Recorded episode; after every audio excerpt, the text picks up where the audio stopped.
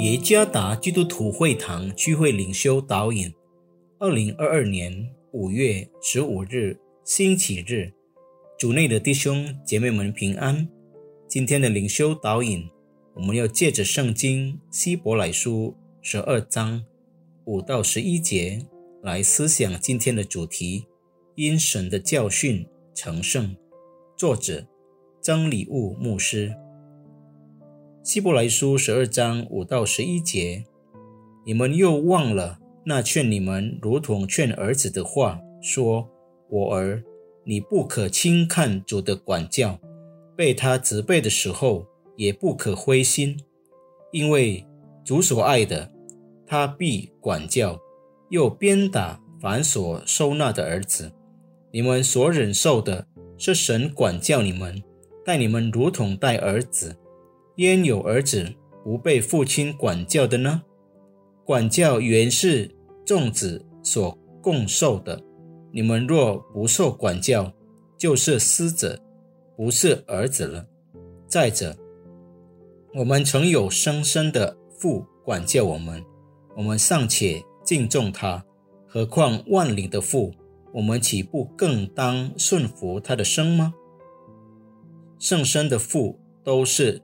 暂随己意管教我们，唯有万灵的父管教我们，是要我们得益处，使我们在他的圣洁上有份。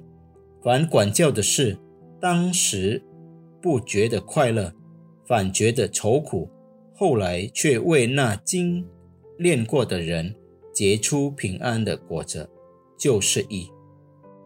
我们有没有想过，把上帝看作是？一位爱吩咐各种命令，让我们去做的上帝呢？如果是这样，我们就已把他当做主了。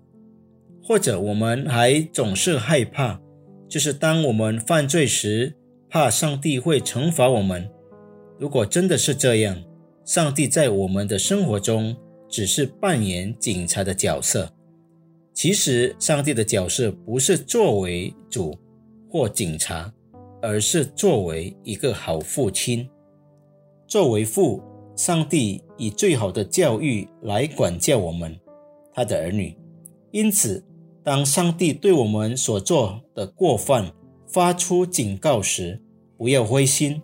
上帝管教我们，因为我们是他所爱的儿女。管教是父爱孩子们的一种方式，管教是给心爱的孩子，而不是给狮子。因为上帝的智慧是完全的，他的管教一定比世上所有的父亲还要好。大卫非常清楚上帝作为慈父的角色，上帝的每一条诫命和律例都是爱的界限，以免我们误入歧途。在诗篇十九篇八到十二节中，大卫赞美上帝的律法的完全，凡遵守他的诫命。而律例的人便有大赏。上帝的管教当时不觉得快乐，但相信吧，最终这一切都会结出真理与平安。认识上帝为父，让我们意识到他不仅是个命令或惩罚我们的上帝，但在他的圣洁中，为了我们的益处，管教我们。